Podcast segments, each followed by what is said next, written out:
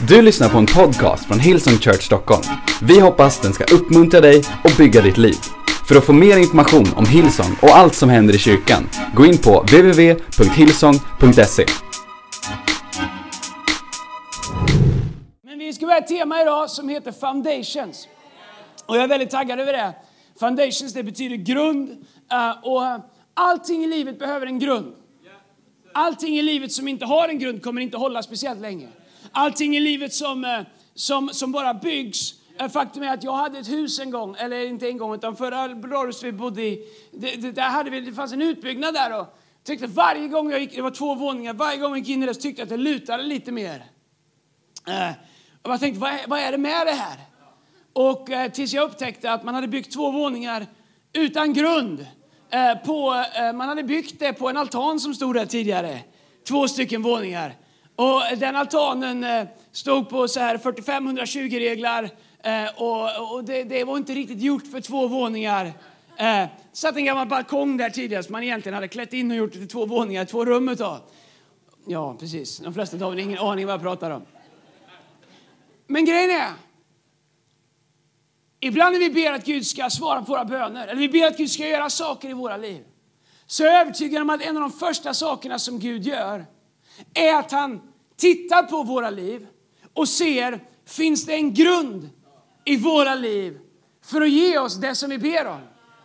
Finns det bärighet i våran tillvaro för att Gud skulle ge oss det vi ber om? Jag är övertygad om att det är så i våra liv, var och en av oss. Jag är övertygad om att det är så i våra äktenskap, i våra relationer, att det är så i våra familjer, att det är så i våra företag, att det är så i vår kyrka. Ingenting kommer över tid kunna bli större och bättre än vad grunden är kvalitativ.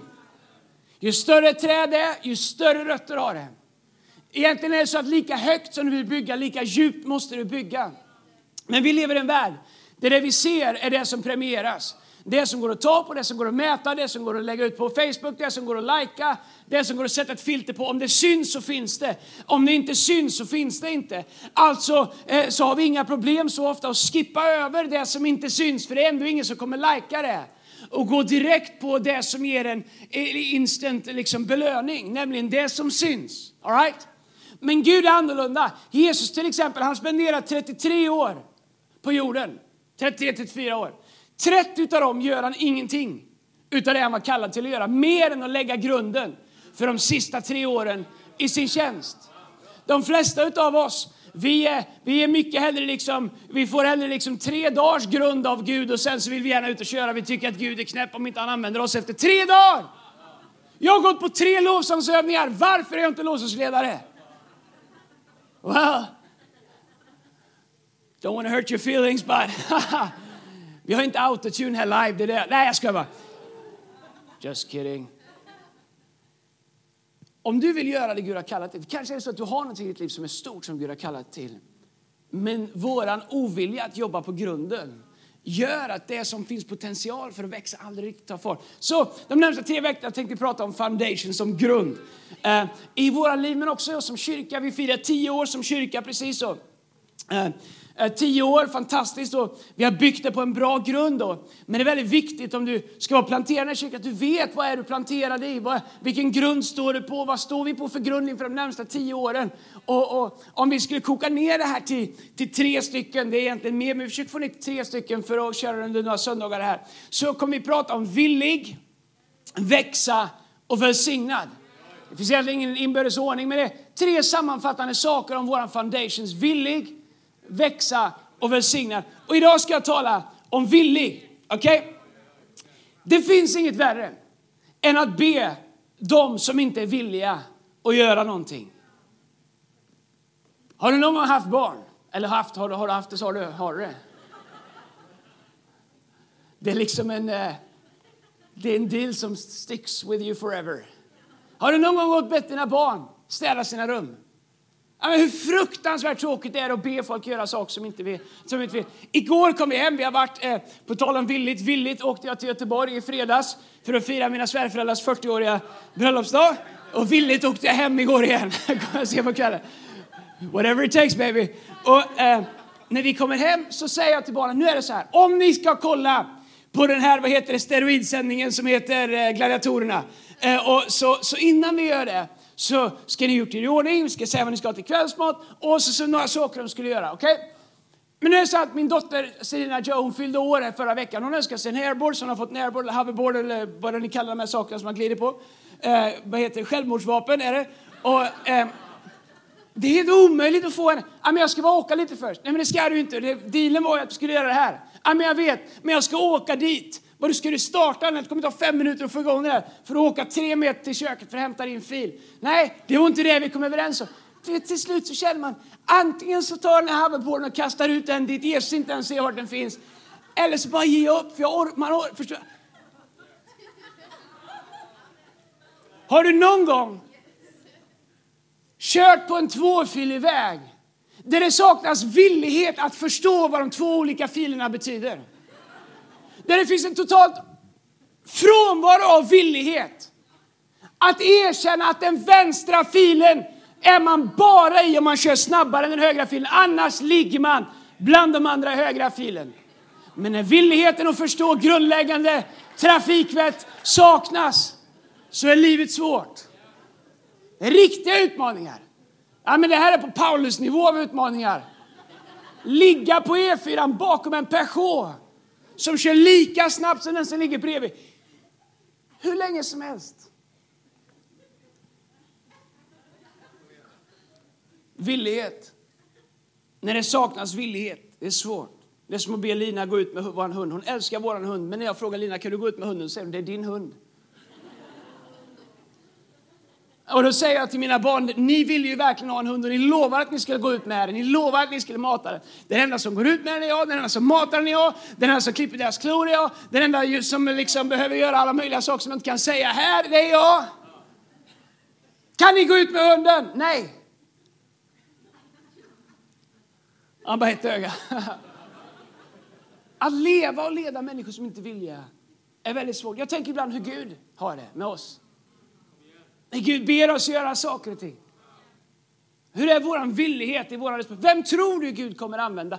Den som är bäst eller den som är villig? Jag har upptäckt att villighet trumfar talang alla dagar i veckan. Jag har upptäckt att villighet trumfar begåvning alla dagar i veckan. Om du bestämmer dig för att leva med en villig ande, vi vill tala om en villig ande, så kommer du köra cirklar kring alla begåvade och belästa och utbildade, och, eller det är inte ett kontradikt mot varandra, men om du bara tittar på vad du har men inte har villighet. Villighet är den viktigaste egenskapen för att leva det liv som Gud har gett oss potential att leva. Jesus han säger så här, om någon vill följa mig. Han säger inte att vi måste det. Om någon vill följa mig ska han ta på sitt kors följa mig. Han, all, nästan alla som han träffade som han gjorde ett mirakel med sa han, vad vill du att jag ska göra för dig? Han talar om deras villighet, vad de vill. I psalm 110, vers 3 så står det, villigt kommer ditt folk när du samlar din här. Det måste vara underbart att vara Gud när Gud samlar de man vill använda och de kommer villigt. All right? när, när, när, när, liksom, när, när Gud kallar Abraham och häng med mig, jag vet att det här är klockan 10 så här kan vi gå lite djupare teologiskt. Det blir en utmaning sen eh, klockan 12 men vi, vi, vi testar det här, all right? När Gud kallar Abraham, jag tycker det är väldigt eh, intressant. Gud kallar Abraham till att offra Isak. Och om du undrar vad det här är så det, det här är egentligen tre söndagar där jag bara kommer att prata med om vad vi som kyrka är. Right? Så när Gud kallar Abraham Eh, så är Abraham, han håller på med det, det, han gör. Han har fått Isak, han har redan varit hos Hagar, han har haft Ismael, han har kört iväg Ismael. Nu har han Isak, Sara och, Isak, Sara och, och Abraham har Isak. Och så kommer Gud och kallar Abraham till att offra Isak. Och, och när Gud kallar Abraham för att offra Isak så hittar vi hemligheten till varför Abraham var den som Abraham var. Hemligheten ligger i Abrahams respons när Gud ropar på honom. Jag är övertygad om att, Gud, om att Abraham vet, eller nästan känner på sig vad det är Gud vill. Och, och så står det i första Moseboken så här, häng med nu, första Moseboken 22. Det här blir liksom en preview till Evening College som börjar om bara några veckor. Första Mosebok 22, vers 1 så står det så här. En tid därefter satte Gud Abraham på prov. Jag menar, vem gillar det? Han sa till honom, Abraham. Han svarade, ja, här är jag. Då sa han, ta din son Isak, din enda son som du älskar och gå till Moria land och offra honom där som brännoffer på ett berg som jag ska visa dig. Det Abraham säger är att han säger jag är här. Eller förlåt, han säger inte jag är här, utan han säger här är jag. Okej? Okay? Det är två olika saker, häng med på det. Jag är här, det är geografiskt. Var är du? Jag är här. Okej? Okay? Han säger inte jag är här, utan han säger här är jag. Det är två helt olika saker. Jag är här, säger Gud, jag är här. Gud säger jag vet, I know. Innan du föddes visste jag vem du var, vart du skulle vara. I know. Du behöver inte tala om för mig vart du är. Jag vet vart du är. Det är som här. Du kan vara här, men inte vara här. Du kan vara här med ditt huvud hemma hos potatisen som du har satt om du undrar om du stängde av innan du åkte, eller strykjärnet eller kaffebryggaren, eller något möte som du har, eller någon utmaning som du har. Men det Abraham säger till Gud är, han säger, här är jag. Han säger, jag är här är geografiskt. Men han säger det, här är jag. Så det han säger, och, och det har en djupt olika betydelse på hebreiska där. Abraham svarar inte bara jag är här som en geografisk information till Gud om vart han är. Utan Abraham svarar, här är jag. Det hebreiska ordet för det är hineni. Hineni, jag vet inte vad man uttalar det. Hineni, hineni. Vet du vad det betyder? Det betyder närvarande, tillgänglig och öppen för vad du vill säga. Så det Abraham säger, svarar är, när, när, när Gud ropar på Abraham så svarar, det Abraham svarar är hineni. Jag är närvarande, jag är tillgänglig och jag är öppen för vad du vill säga. Hemligheten i Abraham var hur han hade valt att leva sitt liv i villighet till Gud. Så det han gör är att han tackar ja innan Gud har sagt vad han vill. Han säger att jag har redan sorterat ut min villighet Gud, så berätta bara vad det är du vill. Han säger inte säg vad du vill så ska jag säga om jag vill göra det. Utan Abraham säger att han har sorterat ut sin vilja. Och min bön är att vi skulle leva, jag kan inte säga hineni-liv. Tänk om vi kunde vara i kyrka, vad är det kyrka? Vi är hineni. Vi är närvarande, vi är tillgängliga och vi är öppna för vad Gud vill säga. Om det var vilka vi är så skulle vi kunna bygga, vilket vi är, så skulle vi kunna göra fantastiska saker för Gud. Att vara villig att leva sitt liv villigt. Det är att svara Hineni, jag är närvarande, jag är tillgänglig och jag är öppen för vad du vill säga när Gud kallar oss. Right, jag skrev ner några saker om, om villighet. Om vad det är att leva villigt. Om vad det är att leva ett Hineni-liv. Uh, ehm, vi, uh, uh, bara om vad villighet är, några saker. Nu första är att förstå hur lever vi ett Hineni-liv. Vad är det första för att kunna göra det? Det är att förstå att vi är skapade av Gud, för Gud. Vi är skapade av... Jag håller ihop Emma. Shit, jag måste kamma över den där. Har ni samma problem som jag, att håret inte räcker till? All right. Jag är närvarande, jag är öppen, jag är tillgänglig. Vi är skapade av Gud, för Gud. Egentligen så sorterar det ut allting. För att om vi skulle SS eller utvärdera våra liv och fundera på eh, hur, vad lever jag för när jag vaknar i morse? Vem är jag skapad av och vem är jag till för? Om vi kan säga att jag är skapad av Gud, för Gud idag, då har vi egentligen sorterat ut vårt hineni. Då har vi sorterat ut det faktum att, att vi säger Gud, den här dagen är skapad av dig och den tillhör dig. Och jag lever i den här dagen skapad av dig, för dig Gud. För det som du. Det betyder att min plan för idag är inte att dra med mig Gud på mina planer och be honom välsigna det jag bestämt för att göra. Utan min plan för idag är att vakna och säga Gud, vad är din vilja för mig idag? Vad vill du jag ska göra idag? Vad kallar du mig till? Vad, jag för när jag vaknar i morse? Vem är jag? Så där har jag det jämt alltså. Det är, och det var bara en röst, ni ska veta hur det kan vara ibland. Du vet, det är som det när man kollar på sport, man får se reprisen av ett bra mål, när ett bra statement kommer tillbaks. Sorry Gud om jag skyndar på lite grann här, men jag har så mycket jag behöver säga. Kolla här! Romarbrevet kapitel 11, vers 36. Så står det så här. Av honom, genom honom och till honom är allting. Våra liv, våra äktenskap, våra drömmar, våra tillgångar, vårt förflutna, vår framtid, våra pengar, av honom, genom honom och till honom är allting. Om vi kan ticka de boxarna, då lever vi hineni-liv. Det vill säga att vi är närvarande, vi är tillgängliga, vi är öppna för vad Gud vill göra genom oss. Ordspråken 16.4 står det, allt som Herren skapat har ett syfte. Det betyder att Gud har en plan med allt det som han har skapat i våra liv. Det som finns, faktum är att Gud kan till och med ta utmaningar som vi har gått igenom och vända dem till, no, till ett syfte i våra liv. Faktum är att så mycket av det jag använder mig av i, min, i mitt arbete, min tjänst som pastor, är saker som jag har lärt mig, som jag kan dra ifrån genom utmaningar som jag önskar att jag inte hade gått igenom. Men Gud är så nådefull och så god att han tar det som var negativt och vänder det till ett syfte i mitt liv. Till motivation, till verktyg, till redskap, till medkänsla, till förståelse, till olika saker. Kanske är det så att saker och ting som du och jag försöker gömma, saker och ting som vi försöker ah, att det inte skulle finnas där, det inte skulle vara, säger Gud, vet vad, jag har ett syfte med det. Och kanske är det så att när vi i den kultur vi lever i, vi försöker täcka över alla våra är som livet har gett oss, att vi gömmer syften som Gud har sagt, vet du vad, du behöver inte gömma det där ärret. Du kan bära det med stolthet till min ära och vittna om hur jag hjälpte dig och ledde dig ut i en situation där det inte fanns någon värld. Vi behöver inte leva som perfekta vaxdockor. Vi kan leva med allting i våra liv och veta att allt som Gud rör vid har ett syfte och får ett syfte i våra liv. Vi är skapade. Villighet är insett, vi är skapade av Gud och för Gud. Det andra om villighet är att Gud är med oss där han kallat oss. Och här är, skulle jag vilja säga, Ah, ah, ah, det, det här är intressant. Matteus kapitel 28, i slutet på Matteus, det välkända stället. Nu tar jag en risk och ställer vatten vid min iPad.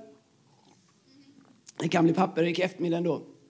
Så Gud tar, en, eh, förlåt, så, så Gud tar ingen risk, ja, med, han tar en risk med, med, med många av oss. Men Matteus 28, vers 19 står det så här, kolla här. Gå därför ut och gör alla folk till lärjungar. Döp dem i Faderns, Sonens och den helige Andes namn och lär dem att hålla allt vad jag har befallt er. Och se, jag är med er alla dagar in tidens slut. Okej. Okay. Ibland kan man säga med kristendom så här, nej men jag, jag vill bara vara. Kristendom är inte att göra. Kristendom är att vara. Man får vila i hans hand. Det får du. Han omsluter mig på alla sidor. Ja, det gör han också. Men kristendom är att göra saker. Hur, ser man, hur, hur, hur, hur, känner man igen en kristen? På frukten av våra liv. Kanske inte ens först och främst på vad vi säger.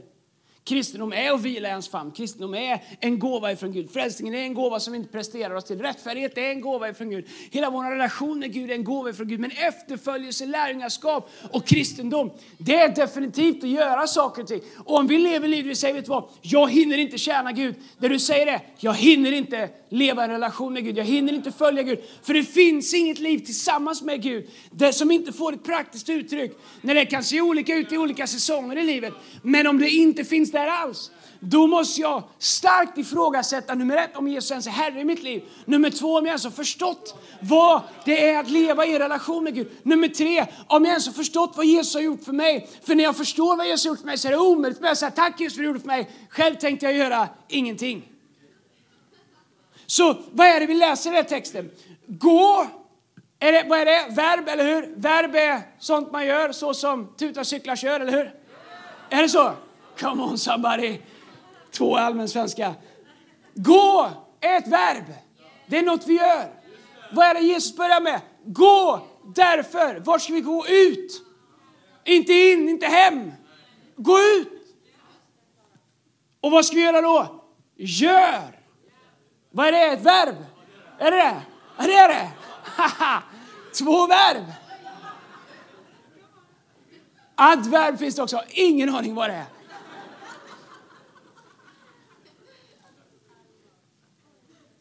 Men det är bättre att veta lite och göra alltihop än att kunna mycket och inget göra. Come on somebody! Men här är vad Jesus säger. Äh, han säger, gör någonting. Var inte som frikyrkoungdomar som bor hemma till de är 30. Om de gör något så är det ett mirakel. De är väldigt Jesuslika på det sättet. Utan gör någonting. Jesus säger, gå ut och gör. Vad han säger sen? Gör alla folk länge. Döp dem. Det vore så roligt om folk döpte sig. Ja, men döp dem då! Men det är ingen som vill bli döpt. Nej, men det är ju för att du inte har berättat för någon att, att det fantastiska med att döpa sig.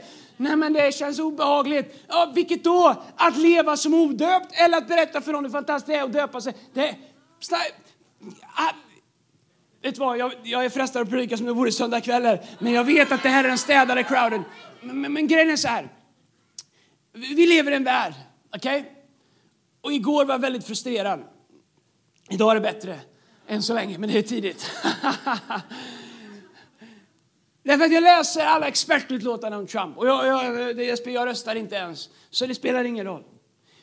Men det är ibland frustrerande uh, när, att se så många kristna människor, för det första som är sådana politiska experter. Det är förvånande att de har sådana jobb som de har när de kan så mycket om politik. De borde kunna få ett mycket mer avlönat, av, välavlönat jobb med all den kunskap de har. Men det är en annan fråga. Eh, men när man ser hur vi säger saker och ting och hur ofta vi har någonting att säga om allt. Jag menar, eh, nu är det ju så att ett land har röstat på en president. Det är ju svårt att idiotförklara ett helt land, eller hur? Bara för att vi sitter här som precis 10 miljoner med facit. Vi är, Sverige, vi är ju hela världens facit. Som vi säger att det är, så är det ju. Men vi har ju Ikea, ABBA, Volvo, är det kinesiskt, Saab, är det finns inte längre. Men vi, vi, vi kan minsann hur det är. Och jag säger inte vem, vad du ska tycka. Jag säger bara att Jesus har aldrig sagt att världen ska känna igen oss på vad vi säger. Jesus har sagt att världen ska känna igen oss på när vi gör hans gärningar. Och vad skulle hända om vi som kyrka bara bestämde oss för att säga lite mindre och göra lite mer? För att liksom ha lite färre åsikter och prata lite mer om Guds godhet, om Jesu kärlek, om hans öppna famn, om den väg som finns för var och en till villkorslös kärlek, förlåtelse, nåd, rättfärdighet, en framtid och ett hopp, frihet, frid. Om vårt budskap var det som vi gör. Så det Jesus kallar oss till är att göra någonting. Så när är Gud med oss? När vi är involverade i att göra det han har kallat oss till. Grejen är att ju längre jag känner Gud, ju mer inser jag det. Till och med i saker jag gör i min vardag så känner jag ibland Gud, du är inte ens med mig i det här. För du har inte kallat mig att göra det här. Det här är en bra idé, det här var ingen gudomlig idé. När är Gud med mig? Gud är med mig när jag gör det Gud har kallat mig till. Så det går inte att ta alla Guds löften och bara säga alla Guds löften, kom här, följ med mig, nu går vi hit. Utan vi behöver säga alla Guds löften är där Guds vilja är. Och när jag följer Guds vilja för mitt liv så lever jag mitt i alla Guds löften för mitt liv. Faktum är att kanske det är så, utan att bli för djup. Men tänk om det skulle vara så att om 10-15 år kristendomen inte är så fri som den är just nu här i Sverige. Tänk om det är så att vi skulle behöva samlas hemligt, vi skulle behöva ha dolda samlingar därför att det är inte längre tillåtet att vara kristen. Det är inte längre tillåtet att fira gudstjänst offentligt. Eh, och där det helt plötsligt finns ett litet pris för att följa Jesus, ett litet, någonting att stå för, någonting att ta ställning för. Och tänk om det är mer än att någon ställer en awkward fråga på fikarasten om du var i kyrkan i söndags. Eh, och, och, jag kommer ihåg min brorsa, eh, han, han, han, han går inte så mycket i kyrkan, och, och, han kom till jobbet, han jobbade, han jobbade på insatsstyrkan på fängelset tidigare. Han hade med sig en eh, pingstvän och en eh, annan vän efter en helg. Och den andra vännen frågar var du full i helgen Nilsen? Vad pingstvännen svarar man kan vara full av fröjd med. Och, eh, jag säger inte att vi måste bli awkward, all right? Jag säger inte att vi måste bli liksom crazy. Jag säger bara att det fortfarande inte finns någon annan kristendom än den kristendomen som bygger på att vetekornet faller ner i marken och dör, avsäger sig rätten till sitt eget liv, låter sig köpas, vilket vi kommer komma till, av Jesu blod, låter sig ägas av Jesus som dog för våra synder och gav oss syndernas förlåtelse och nu äger rätten till våra liv. Det, kommer, det, det, finns ingen annan kristendom, hur moderna vi än blir, än efterföljelse till Jesus. Och om man tittar historiskt sett så har Gud valt, jag vet inte om det är han som sänder eller om han tillåter eller om det bara är en cykel. Men efterföljelse har prövats i hans kyrka, i hans kropp under perioder, nästan som man säger att han ansar det han älskar, det tvättar han som en guldsmedseld, där han bränner bort allt slagg och tar fram guldet. Vad skulle hända om Gud prövade våran kristendom? Skulle han finna efterföljelse? Herravälde, människor som har sagt ja och följer honom för att gå dit han har kallat oss. Eller ska han finna en massa kristna som har valt att ha Jesus som en krycka i livet när vi tycker att vi haltar, men så fort vi springer själva så hänger vi upp kryckan tills vi behöver det nästa gång. Vet du vad? Allt vad Jesus är finns för dig. När du väljer att följa honom och vara involverad i det som han har kallat dig, när du tar steget in i det, helt plötsligt så är allt vad Jesus är satt i funktion i ditt, i, i ditt liv. Och du behöver inte kämpa för att få det, du behöver inte be om det att det ska komma. Det finns där i efterföljelsen när vi väljer att göra det han har kallat oss till. Är ni med? Så det viktigaste är att det finns alltid någon, någonstans där vi kan gå i livets alla olika sång. När Jesus behöver säga, gå därför ut. Om du är här idag som ung, eh, när du var 20, 21, 22, 25 och du hade massa tid, du kunde vara på alla samlingar, vara med på allting. Och så ser livet annorlunda ut, du får lite barn, du får lite annat, du får jobb, du, må, du har räkningar, massa olika saker. Förhandla inte bort ditt gå. Eller ni här som är i medelåldern, inte för att det finns någon så gammal här, men låt säga att det hade funnits det. Förhandla inte bort ditt gå. Bara för att du ser massa unga människor som verkar liksom ha ett annat uttryck eller som verkar, du säger jag kan inte vara med så där mycket. Det behöver du inte vara. Men förhandla inte bort ditt gå.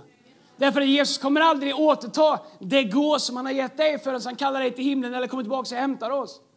Så tappa inte bort ditt gå när han säger gå därför ut.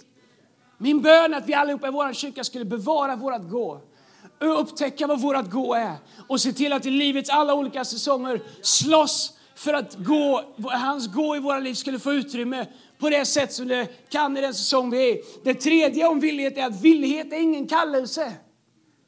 Jag ser att ibland så blandar vi ihop villighet med kallelse. Nej, men du förstår, jag har inte den kallelsen. Och villighet är ingen kallelse. Det skulle jag säga är en posture, alltså en hållning i livet gentemot Gud. Vad är det han säger Abraham? Hineni, jag är närvarande, jag är tillgänglig och jag är öppen för vad du vill säga. Vad är hans villighet? Det är en hållning inför Gud. Det är ett sätt att vara inför Gud. Villighet är ingen kallelse. Det är enkelt att säga, men jag är inte kallad till det där, men jag är inte kallad. Villighet och kallelse är två helt olika saker. Kallelse är något som villiga får. Villighet är något som efterföljare bestämmer sig för att vara eller inte vara. Kallelse är något som man upptäcker när man har bestämt sig för att vara villig. Om du inte är villig så kommer du aldrig hitta din kallelse. Men jag har aldrig sett en villig människa som inte hittar sin kallelse. Därför att villiga människor kommer Gud alltid kunna leda. Kolla här, det står så här i Jesaja kapitel 6, vers 8. Känt, eh, känt bibelställe. Och jag hörde Herrens röst och han sa, vem ska jag sända och vem vill vara vår budbärare? Jesus pratade med Jesaja, äh, förlåt, Gud pratade med Jesaja. Då sa jag, alltså Jesaja, här är jag, sänd mig. Vad är det Gud gör? Han säger inte Jesaja, kan jag sända dig och vill du gå? Det Gud gör är att han ställer en ganska allmän fråga. Han säger, vem ska jag sända? För Gud kommer aldrig tvinga oss till någonting. Han kommer aldrig tvinga på sin vilja, han kommer aldrig tvinga. Det är inte så att du säger, om jag bara börjar känna Gud, då kommer Gud tvinga mig till Afrika, eller Gud kommer tvinga mig att gifta mig med någon som inte är snygg, eller Gud kommer tvinga mig att ta en förlaget, eller Gud kommer tvinga mig. Han kommer inte tvinga dig till någonting. Men det han kommer göra är att han kommer leda dig till det som du är skapad till och där du kommer uppleva den ultimata tillfredsställelsen i livet. Kanske inte alltid det enklaste livet, men det absolut mest tillfredsställande livet. Men här är grejen. Han kommer först allmänt fråga vem ska jag sända och vem ska jag gå? Och beroende på hur vi svarar är beroende på Guds respons tillbaka till oss. Jesaja svarar, här är jag, sänd mig. Varför använder Gud Jesaja som en profet 700 år innan Kristus? För att berätta hela berättelsen om Messias. Det börjar här, när Jesaja tar chansen att svara på den här frågan. Han säger, här är jag, Hineni, här är jag, sänd mig. Vad skulle hända i vår kyrka? När vi funderar på vilka vägar skulle vi gå som ingen har gått tidigare? Vad skulle vi kunna göra som ingen har gjort? Hur ska vi kunna nå fler människor för Kristus? Hur ska vi kunna börja använda alla plattformar som finns? Mediavärlden, utbildningsvärlden, alla möjliga världar, idrottsvärlden. Hur ska vi nå ut i alla olika världar? Hur ska vi kunna gå ut i alla världar som Jesus har sagt? Det börjar med att säga, här är vi! Sänd oss, hinner vi är här! Men så har vi aldrig gjort innan. Nej, men det är det som är underbart, att vi behöver inte ha gjort det innan för att tacka ja till att följa han som redan har varit dit vi är på väg. Så vi behöver inte förhandla om hur, vi behöver bara förhandla om om. Och villigheten cementerar oss i Guds vilja i våra liv. Villighet är frukten av ett personligt möte med Gud. Så villighet kommer att Jesaja mötte Gud. Därav hans villighet.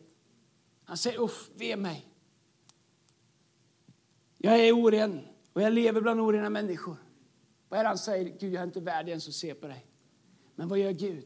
Gud belönar hans villighet med att röra vid honom, med att kalla honom och med att använda honom. Du behöver inte vara värdig eller perfekt eller ha kvalat för att bli använd av Gud.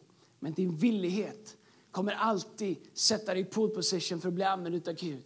Ett möte med Gud kommer alltid leda oss till en plats av villighet. Och faktum är, jag upplever själv i mitt liv, för hela, hela tiden, att ju längre bort jag är från ett personligt möte med Gud. Så jag pratar inte om min tro, jag pratar om ögonblick där jag verkligen får möta Gud. Där jag spenderar tid i hans närvaro. Där han får beröra mitt hjärta, där han får beröra mitt inre. Där jag låter mig bryt, brytas på insidan igen och igen och igen. Ju närmare jag är där, ju närmare jag är ett sånt möte, ju mer jag lever i det, ju mindre problem har jag med min villighet. Men ju mindre tid jag har att spendera i hans närvaro, ju mer måste jag förhandla med mig själv, ju mer måste jag sälja till mig själv, ju mer måste jag sträva, ju hårdare måste jag knyta mina händer, ju hårdare måste jag, måste jag anstränga mig för att göra hans vilja. Men ju mer jag lever i hans närvaro, ju mer kommer villigheten som en frukt av mitt möte med honom. För hur skulle jag inte kunna vilja ge tillbaks när jag får allt det här av Gud? Så vägen till villighet är inte att du spänner dig mer, vägen till villighet är att du drar dig närmare Jesus och får ett möte med, okej okay, vi måste skydda på lite här. Villighet är, nummer fyra, är att vara beredd att göra det obekväma. Villig att göra det obekväma. Kolla i det andra Samuelsbrevet, äh, Samuelsboken kapitel 23, vers 14-17. Vi, vi, Ni kan bara skriva ner det så kan ni läsa det sen. Men det som händer är att David han står med några av sina hjältar, några av sina män. Och de är i fiendeland. Han bara tänker, åh, oh, tänk om han haft lite vatten. Varav några av Davids hjältar bryter sig in i fiendelägret drar vatten från en källa och hämtar det till David. Så att David får dricka så att han kan fortsätta göra det Gud har kallat honom till. Människor som är villiga att göra det obekväma. Vet du vad? Jag vill aldrig komma till en plats i livet där man har gjort så mycket för Gud att man nu bara är beredd att göra det bekväma. Jag vill leva mitt liv till sista dagen villig att göra det obekväma för Gud. Om jag bara hör det, att det behövs vill jag vara beredd att göra. Jag vill leva mitt liv som att den första tanken är att jag är lösningen. För här är några, några män som hör David bara liksom tänka högt. Alltså, tänk om jag hade haft lite vatten. Jag är så sjukt sugen på vatten. Jag hade behövt vatten. De hör ett behov och ser sig själva som lösningen. Och de är beredda att göra det obekväma. Och därför så kallar Gud dem för hjältar. De är omnämnda som hjältar i Bibeln. Jag vill leva så. Jag vill se ett behov, jag vill höra ett nil, jag vill se kanske det obekväma, men jag vill se mig själv. Utan att någon ber mig så vill jag vara villig att göra det obekväma för att bli använd av Gud. Alla vill göra det bekväma, men om du verkligen vill se Gud använda det, var beredd att göra något obekvämt lite nu och då i ditt liv. Därför att Gud eh, kallar oss att vara villiga och ibland göra det obekväma. Och det femte jag skulle säga är att vara villig att vara en liten del av någonting som är stort. Grejen är så här att eh, mm, i våran tid så bygger vi ofta varumärken runt oss själva. Vi ibland så så blandar vi ihop eh, integritet med att vilja vara herre i vår egen värld. Med att vilja kontrollera vår egen värld. Så vi säger jag, jag, jag, är hellre en, liksom, jag är hellre en stor fisk i mitt lilla, min lilla glasburk här. Jag känner mig jättestor i min glasburk här. En två decimeter stor. Jag fyller nästan, min svans når nästan, eller vad heter svans, min skena går nästan från ena sidan och min nos till andra. Jag är, jag är störst i den lilla kupolen. Ingen ska komma och tala om för mig att det finns något stort hav som jag ska simma i. Jag har min integritet. Och det är ingen integritet, det är en liten sketen glaskupa som du simmar omkring i och missar allt som finns i livet. Du känner dig stor i den, vi känner oss stora i den tillvaro vi har byggt åt oss själva. Men tänk om det är så att vi skulle våga bli en liten fisk i en stor ocean istället. Kanske inte känner oss störst, vi kanske inte tycker att allt i livet handlar om oss längre. Vi känner oss, jag är bara en del av massa. Det var, någon gång har någon kommit, Andreas, eh, stora kyrkor är inte bra. Hej. För det första, jag vill fråga, hur vet du det? Du har väl aldrig haft någon? Men det får man inte säga, för man måste respektera alla. Och de säger, eh, små kyrkor är mycket mer vänliga. Okej. Okay. Små kyrkor är bättre för det är enklare att hitta riktiga relationer. Vi har bestämmer bestämt oss med riktigt, riktiga relationer. Jag tänker så här, om det nu vore så fantastiskt bra relationer, varför är det inte fler? Om det nu vore så fantastiskt bra vänskap, varför vill inte alla vara med och vara vänner? Varför är ni samma gamla 20 som ni har varit i 100 år? För jag tänker om, om det är en restaurang som är vansinnigt bra så vill ju alla äta det. Om det är en film som är jättebra så vill ju alla se den. Så, men ibland så förhandlar vi. Nej, nej, nej, nej, nej, nej, nej, nej, nej, nej, nej, nej, nej, nej, nej, jag vill inte vara med. Oh, det är så stor. Jag, vill, jag, jag, jag trivs bättre här. Och så blandar vi ihop integritet med att vi faktiskt inte vill bli ledda att vi faktiskt inte vill vara en del av någonting större. Det känns bättre att vara stor i en liten sättning än liten i en stor sättning. Men vet du vad? Villighet, det är att vara beredd att vara en liten del av någonting stort. Jag tänker på alla i Bibeln som bara är omnämnda med en rad, men som ändå var absolut nödvändiga för att förflytta storyn framåt. Så många som det finns där. Så många som är. En pojke kommer, två fiskar och fem bröd. Ja, sen vet vi inte mer om honom. Vet inte vad han heter, vet inte var han kom från, vet inte var han tog vägen, hur gick det sen, vem blev han ihop med, vilket lag höll han på, vad tyckte han om vad Jesus gjorde? Det är ingen som vet. Men han var en liten del av någonting stort. Det kom en ung rik man och frågade vad ska Jesus tala om för mig alla dina bud jag har hållit allihop. I am the man. All right, säger Jesus. Gå och sälj allt du äger och ge till de fattiga. Kan du komma och följa mig sen? Då står det att han gick därifrån mycket bedrövad. Vad gjorde Jesus? Det Jesus sa var, och ta ditt lilla akvarium, din trygghet du har byggt. Slå sönder den och följ mig. Men det tyckte han var så läskigt. För han var herre i sitt akvarium, i sin egen tillvaro. Så han gick bedrövad därifrån tillbaks till sitt lilla akvarium. Vet du vad, jag är hellre en liten pojk med två bröd och fem fiskar. Eller vilket håll det nu är, jag får aldrig dem rätt. Det är 50-50 men det blir alltid fel. Två fiskar och fem bröd. En är hellre en liten pojk som blir omnämnd en gång med fem bröd och två fiskar och är med och ser stora mirakler. Än att leva i min egen värld omnämnd. Stjärna i min egen värld. Förstår om vi ska vara med och göra något stort för Gud så behöver vi vara villiga eh, att eh, vara en del av något stort. Pastor Brian han säger några fantastiska statement. Han säger bland annat ett statement som heter så här, What I'm a part of, eh, what I'm a, I'm a part of is bigger than the part I play. Vilken uppenbarelse det är. Och så känner jag med vår kyrka, det jag är en del av är större än vilken roll jag spelar. Jag bryr mig inte om, många av oss har haft alla roller där från att renovera kyrkan i liksom en timme innan mötet praktiskt till att predika. Men det spelar ingen roll, därför att det stora är att få en del av visionen. What I'm a part of is greater than the part I play. Det andra, eh, som man säger är, uh, our dreams and visions are only as powerful as the cause they're connected to. Ett tredje statement som man, som man säger är, um, come on, Yes, förlåt. Our church is not built on the gifts and talents of a few, but on the sacrifices of many. Vet du vad? Att tjäna Gud med en villig ande, det är att sätta Gud först i sitt liv, vara beredd att följa honom. Och jag, min lovstid, vi kan komma upp här. Och jag är övertygad om att om Gud fick en tillräckligt stor skara med människor som villigt är beredda att följa honom, så är jag övertygad om att Gud skulle kunna göra så mycket. Jag är inte övertygad om att det som verkligen behövs är att liksom vi ska bryta ner alla stora starka fästen. Det behövs säkert. Jag är inte övertygad om att vi behöver göra alla de här kristna manifestationerna och att vi måste klaga och gnälla och tycka så mycket. Tänk om vi la all den energin på att bara fokusera på vår egen villighet att följa Jesus och bli använd av honom. Vad skulle Gud kunna göra med en kyrka som Hillsong Stockholm säger, vet du vad, vi är inte bara villiga, vi är här, vi är närvarande, vi är tillgängliga och vi vill höra vad det är att säga. Kom on, ska vi stå upp tillsammans? Därför att det handlar villighet att tjäna Gud sätter ljus på vårt hjärta. I Efesierbrevet kapitel 1, vers 7 så står det I honom är vi friköpta genom hans blod och har fått förlåtelse för våra synder på grund av den rika nåd som han har låtit flöda över oss. Att, att, att, leva villigt bottnar i en förståelse om att Jesus har köpt mig. Att jag, tillhör, jag tillhör inte ens mig själv längre. Jag, jag är köpt av Jesus. När jag sa ja till syndernas förlåtelse, när jag sa ja till frälsning, när jag sa ja till hans nåd, så sa jag ja till att bli köpt av Jesus. Paulus säger, nu lever inte längre jag, utan Kristus lever i mig. Paulus säger att han är, han är död, men han har uppstått i Kristus. Tänk om vi var en kyrka som levde som att, vet du vad, det jag har är inte mitt, min bil är inte min, mina pengar är inte mina, min, min, min, min, min rättighet att bli förorättad är inte längre min, utan jag tillhör Jesus, jag är köpt fri av Jesus och jag följer honom. Och det, det exponerar vårt hjärta. Men tänk om vi också förstod att leva så att det inte bara exponerar vårt hjärta utan också våra händer. Skillnaden på drömmar och verklighet. Vi kan ha stora drömmar, men det blir verklighet när vi, likt Jakobs brev kapitel 2, när han säger visa mig era gärningar utan, eran tro utan gärningar, säger Jakob, så ska jag med min, mina gärningar visa er min tro.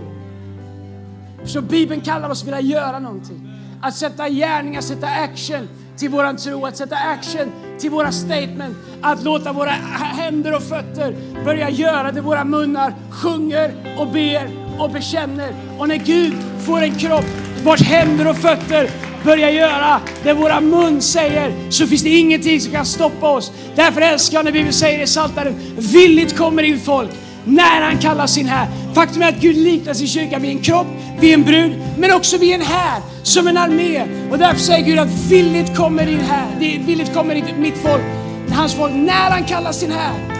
Vad är responsen när Gud kallar Hillsong Stockholm? Närmsta tio åren Hillsong Stockholm. Förorterna, all problematik i Stockholm, människor som kommer hit, nya människor som inte kan våra språk, 200 bordeller i Stockholm, människor som inte vet om hans kärlek, människor som har tappat hoppet, en ekonomi som kanske fallerar, nya presidenter, öst, väst, allt möjligt som finns. Vad är svaret? Säg, Jesus, vi behöver dig. Jesus säger, yes, villigt kommer mitt folk när jag kallar min här. Och om vi är de som säger, jag är beredd att villigt följa Jesus, då finns det ingenting som Gud inte kan göra. Come on, ska vi sjunga tillsammans i Jesu namn? Och prisa. Och prisa högt Herrens namn vår Gud. Du har lyssnat till en podcast från Hillsong Church Stockholm. Om du vill veta mer om vår kyrka eller om våra söndagsmöten, surfa in på www.hillsong.se.